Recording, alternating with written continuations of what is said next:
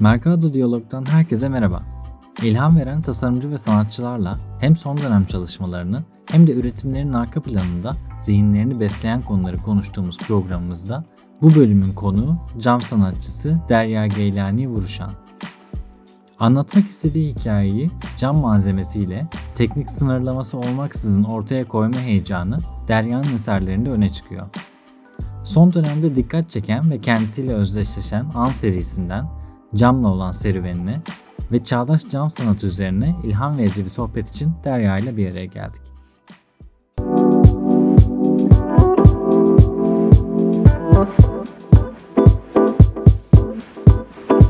Merhaba Satoshi takipçileri. İlham veren tasarımcı ve sanatçılarla sohbet ettiğimiz Mercado Diyalog'un yeni bölümüne hoş geldiniz. Ben Yağız Genç. Bugün cam sanatçısı Derya Geylani Vuruşan'la beraberiz. Hoş geldin Derya. Merhaba, hoş bulduk.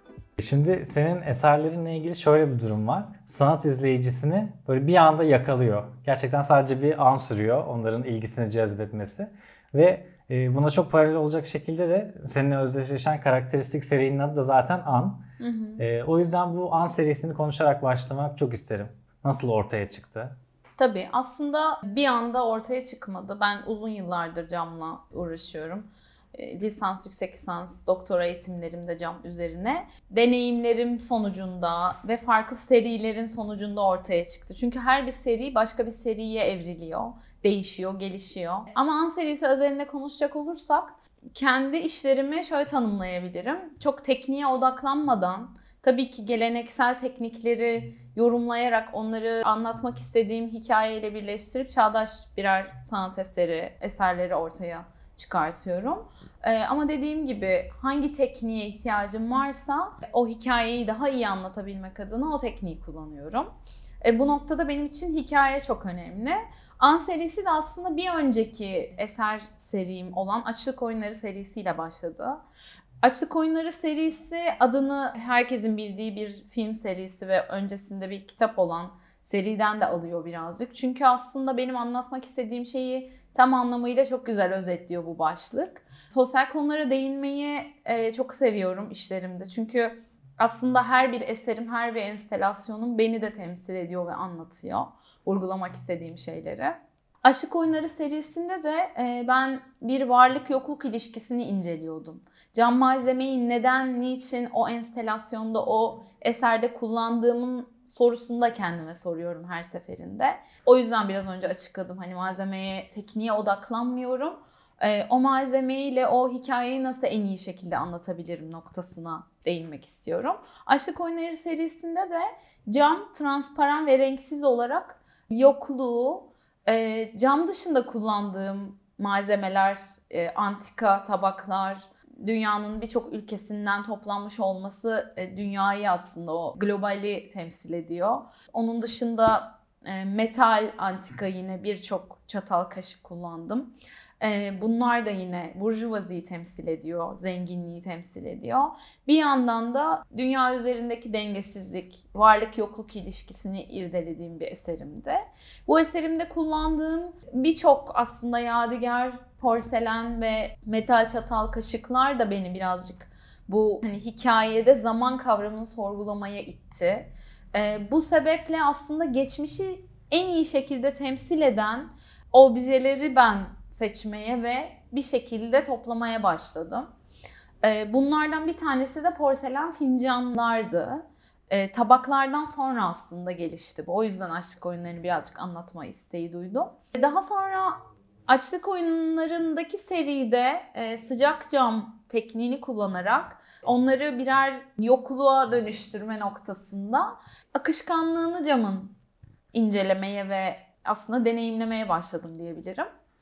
E, bir sonraki süreçte de neden aslında bu seri içerisinde de fincanlar kullanmayayım bu sorular çerçevesinde birazcık daha deneyimlemeye başladım. Çünkü benim aslında tez e, konum, doktora tez konum Cam ve cam dışı malzemelerin birlikte kullanımı, bunu hikayeyi anlatır ve destekler biçimde nasıl sunabiliriz de. E, bu noktada seçtiğim ve biriktirmeye başladığım porselen fincanları bir anı ve bir anıyı aslında bir duyguyu temsil eder şekilde şekillendirdim. Her bir porselen fincan için farklı şekillendirdiğim o sıçrama etkisi aslında bir duyguyu temsil ediyor. E, bir duygunun metaforu. Bazen sevincin, bazen üzüntünün, bazen şaşkınlığın, bazen beklenmedik bir anın temsili. Her bir sıçrama, her bir coşku o ana, o duyguya gönderme yapıyor. O yüzden hatıraları sorgulamaya ve incelemeye başladım. Zaman kavramını ve sonra e, aslında benim şekillendirdiğim cam objelerin, obje demeyeyim de cam şekillerin diyeyim. Her biri şimdiyi temsil ediyordu benim için. Yadigar porselenler de geçmişi temsil ediyordu. O yüzden hem geçmişle günümüz arasında bir köprü kurdum. Yani aslında özetle yavaş yavaş gelişti. Başka seriler an serisine evrildi ve benim deneyimlemelerim sonucunda da ortaya şu anki hepimizin gördüğü, incelediği an serisi eserlerim çıkıyor. Çıkmaya devam ediyor. Onlar da başka şeylere evriliyor bence. Yani bu serinin zaten zamanı yaptığı gönderme ve oradan e, yola çıkışı bence çok güzel okunuyor. Ben şeyi duyduğuma da sevindim. Bunu ben bilmiyordum mesela. Hani farklı ülkelerinden topladığın, dünyanın farklı ülkelerinden topladığın e, malzemeleri kullanman da aslında burada sadece geçmişle günümüz arasında değil, farklı coğrafyalar arasında da bir ilişki kurmana yol açıyor, buna sağlıyor. Ve e, bu da bence çok güzel bir katman işlerde. Yani ortak bir e, duyguyu aslında yansıtıyorsun. Dünyada ortak olan bir paylaşılan anları. Evet, evet kesinlikle.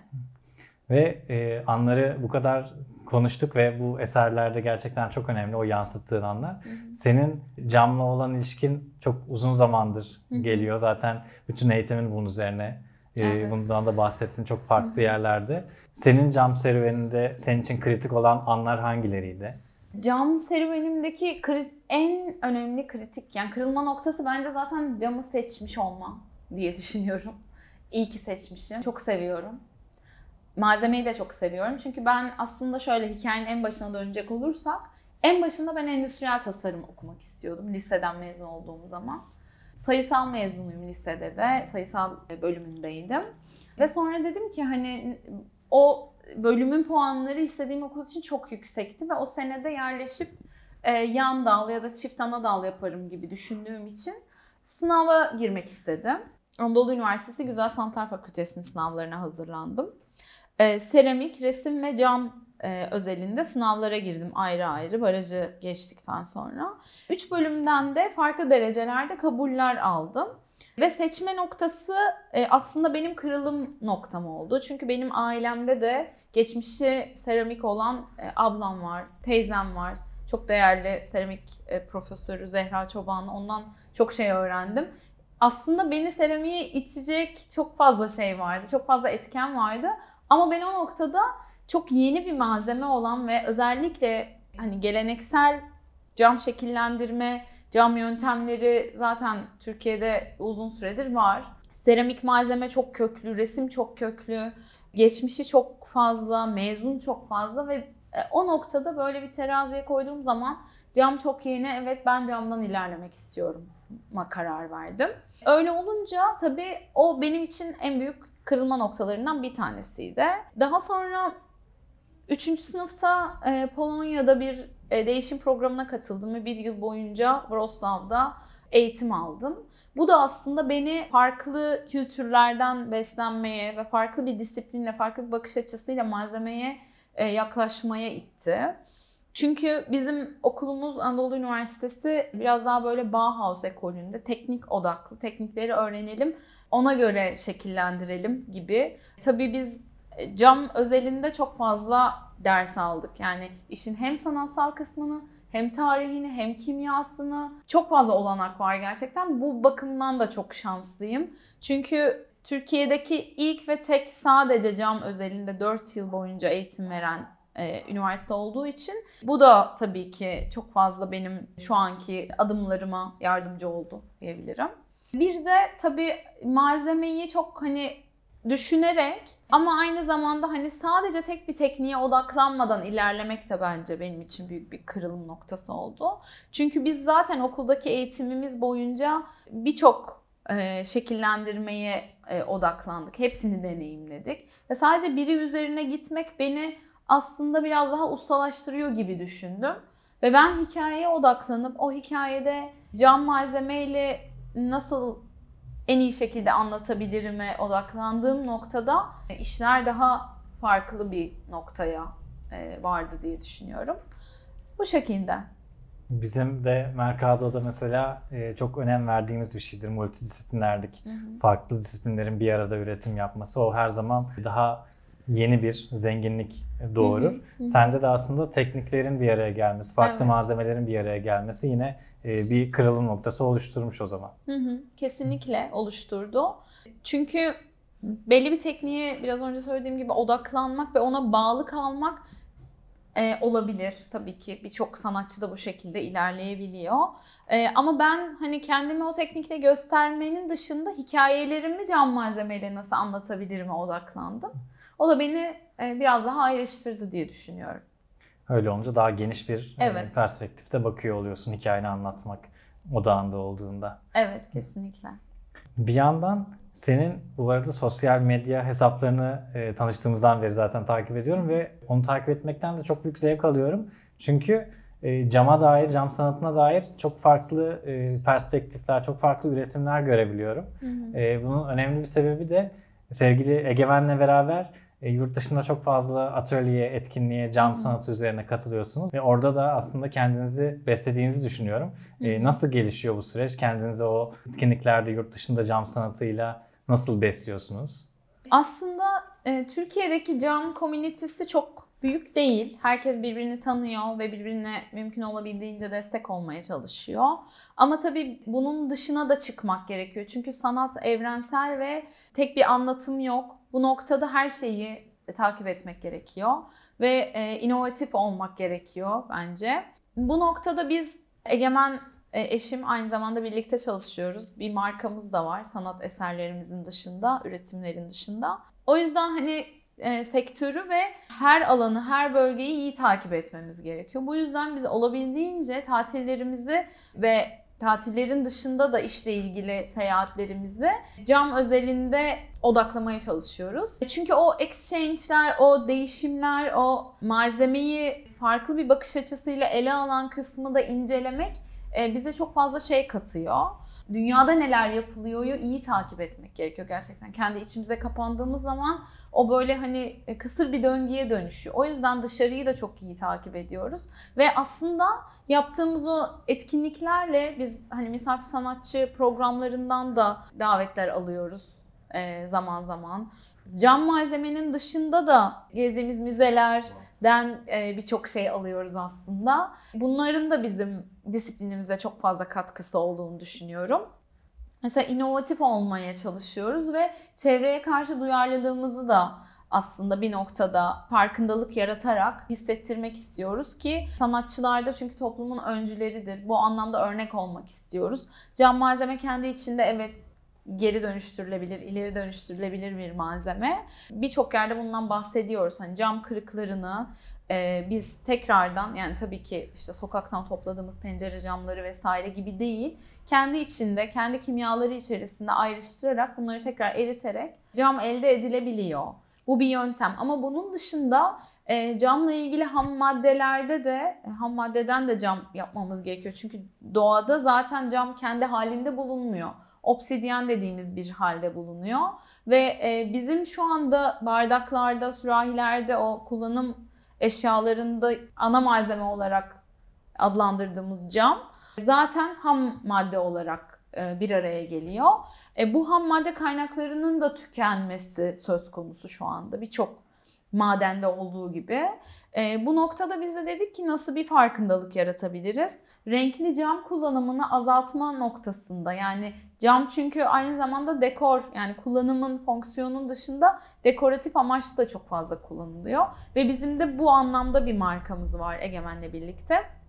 Bu noktada ne yapabiliriz konusunda bazı seyahatlerimiz oldu yurt dışında. Onlar mesela bu hani ufkumuzu genişletti ve Türkiye'ye döndüğümüz zaman biz de bununla ilgili çalışmalar yapmaya başladık. Ve cam yüzeylerde e, hem organik hem inorganik atıkları kullanarak nasıl sanatsal bir e, doku yaratabiliriz'i araştırdık ve bununla ilgili bazı üretimler yaptık. Mesela bu e, bence en önemlilerinden bir tanesiydi. Tabii farklı köprüler kurmak yurt dışında aynı zamanda Türkiye'yi de e, o alanda ilerlediğimizi ve var olduğumuzu ispatlamak, göstermek konusunda bu da bizim bir görevimiz. O anlamda da temsil etmek çok önemli. Bu şekilde. E, benim şöyle bir algım var. Doğru mu diye sana sormak istiyorum. E, cam sanatı ile ilgili e, globalde genel olarak yani daha böyle uğraş gerektiren çeşitli teknikler, malzemeler ve fazla bir efor gerektiren bir alan olduğundan dolayı sanki daha az üreten sanatçı olduğundan dolayı globaldeki cam sanatçıları ve kurumları daha böyle bir araya gelmeye müsait birbirini daha kucaklıyor gibi. Yani gittiğiniz yerlerde bunu hissediyor musun? Bana öyle bir algı geliyor. Evet evet tabii ki. Ee, senin de söylediğin gibi yani community zaten çok e, geniş değil. Bu anlamda biz biraz daha işin hani hem tasarım kısmındayız hem de çağdaş cam sanatını güçlendirme kısmındayız. Türkiye'de. Hani olabildiğince yurt dışında da temsil ediyoruz ülkemizde. Bununla ilgili ben mesela yarışmalı sergiler oluyor bizde. Bir jüri oluyor ve o jüriye sen bazı dosyalarla başvuru yapıyorsun. Ee, eğer seçilirsen o ülkede ya da farklı e, gezen sergilerle işlerin farklı milletlerle kavuşabiliyor öyle söyleyeyim. Çünkü her zaman bir sanatçının yurt dışında eserini sergilemesi kolay değil. Bu anlamda ben mesela o yarışmaların da o residency'lerin, misal sanatçı programlarının da çok önemli olduğunu düşünüyorum. Bu noktada herkes birbirinden besleniyor. Aslında biz de uluslararası birçok etkinlik düzenliyoruz Türkiye'de.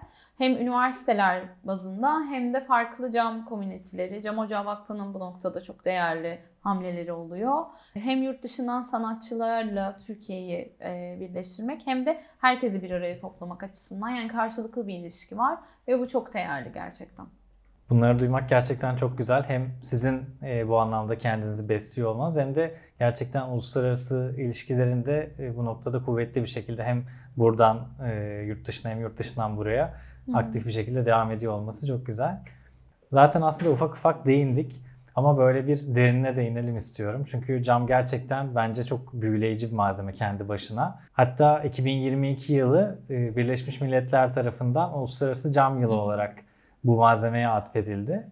Ve bu malzemeyi odağına alan cam sanatı da diğer sanatlardan çok fazla ayrışıyor. Çünkü çok farklı bir özen gerektiriyor, çok farklı bir efor gerektiriyor. Yani pratik olarak çok kendine has. Şimdi seni de bir öğretim görevlisi olarak bu alanda çalışan bir öğretim görevlisi olarak bulmuşken bunu sormak istiyorum. Cam sanatı ile ilgili yani camla sanat arasındaki ilişki e, ne zaman nasıl başlıyor ve nasıl ilerliyor? Şu an e, neler yapılıyor ve nasıl bir potansiyel görüyorsun sen bu alanda gelecekte? E, aslında şöyle cam malzemenin zaten çok değerli olduğundan ve hani geri dönüştürülebilir bir malzeme olduğundan bahsettim. Bu anlamda da Birleşmiş Milletler 2022 e, yılın cam yılı ilan etti. E, çünkü aslında malzemeyi özellikleri açısından ön plana çıkartmak ve kullanımını yaygınlaştırmak amacıyla yapıldı bu. Bu anlamda hem fonksiyonel e, hem de sanatsal birçok açıdan etkinlikler düzenlendi ön plana çıkartmak için malzemeyi. Bu çok değerliydi. İkincisi şundan da bahsetmek istiyorum. Sanatsal açıdan değinecek olursak cam çok köklü bir geçmişi var. Ama tabii 1960'lı e, yıllarda çağdaş cam sanatı anlamında bir kırılım yaşanıyor. Öncesinde tabii ki geleneksel anlamda Avrupa'da da e, Asya'da da birçok e, alanda üretimler var. Zaten İtalya'yı birçoğumuz biliyoruz. Ama onun dışında gerçekten camın bir malzeme olarak bir sanat eserine dönüşmesi çağdaş ve modern sanat anlamında konuşacak olursak 1960'lı yıllarda stüdyo cam hareketi dediğimiz bir hareketin öncülüğünde başlıyor bu. Bu nedir diyecek olursanız aslında stüdyo camcılığı e, sadece kullanım amacıyla üretilen vazo, bardak ya da işte diğer objelerin dışında o stüdyoda sanatı sadece destekleyecek ve sanatsal açıdan e, kişinin düşüncelerini aktaracak bir malzemeye nasıl dönüşebilir sorusu ve bununla ilgili yapılan üretimlerle birlikte işte bazı öncüleri var. İşte Dominic Labino gibi, Harvey Littleton gibi çok e, önemli isimler var bu anlamda Amerika'da. Bu kırılımla birlikte yavaş yavaş aslında o algıda değişmeye başlıyor. Ve sıcak camdan başlayan o dalga etkisi birçok teknikte kendini gösteriyor. Yani sanat dediğimiz zaman aslında biz birçok kavramdan konuşabiliriz. Bir- Birçok kavramdan bahsedebiliriz. Ve sanatçılar zaten zaman zaman yani 1960'ların öncesinde de bu kırılımlar yaşandı. Çünkü e, sanatçı dediğiniz kişi malzemeyi değil anlatmak istediği fikri sorguluyor. E, bu anlamda çok büyük eserler üretilmiş zaten.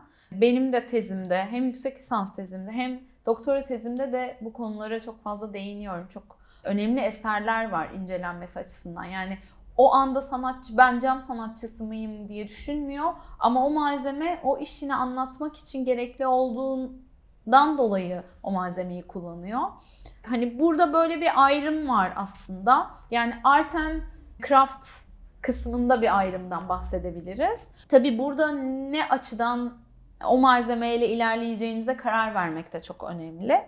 Benim ilerlediğim alan biraz daha çağdaş cam sanatı. O yüzden size e, o tarihten bahsetmek istedim. Tabii bu dönüşüm Türkiye'de de çok hızlı bir şekilde ilerliyor. Şu anda mesela Avrupa'da ve Amerika'da ve dünyanın her yerinde e, İtalya'dan başlayıp e, tabii ki geçmişi çok tarihi e, konuşulur. Her yerden bahsedilir. E, ama şu şunu özetle bahsedecek olursak e, o Avrupa'da başlayan, İtalya'dan sonra işte Amerika'da devam eden süreç şu anda şeye dönüşmüş durumda. Yani çağdaş cam sanat anlamında bir temsile dönüşmüş durumda. Bu tabii ki biraz önce dediğim gibi hani Türkiye'de de dalga dalga devam ediyor. Hem okullar bazında e, Eskişehir Anadolu Üniversitesi'nden bahsettik. Onun dışında eğitim veren zaten çok fazla bölüm var. Seramik ve cam anlamında. Hem bunların çok büyük etkisi var. Hem özel cam okullarının ve e, çok fazla stüdyoda sıcak cam anlamında ve diğer küçük atölyeler anlamında da açılmaya başlandı. E, yaygınlaşıyor, gelişiyor e, ve önemli bir malzeme olduğu için de tabii ki bu konuya dikkat çekmemiz gerekiyor mutlaka. Kesinlikle aynı fikirdeyim. O yüzden de bugün özellikle bunu e, biraz derinleştirip konuşalım istedim. Evet. Çünkü sanatsal üretim anlamında malzemelere baktığımızda şimdi bugün artık her şeye sürdürülebilirlik gözüyle bakmamız gerekiyor. Kaynaklarımızın ne kadar kısıtlı olduğu bütün dünya tarafından artık daha büyük bir farkındalıkla ele alınıyor.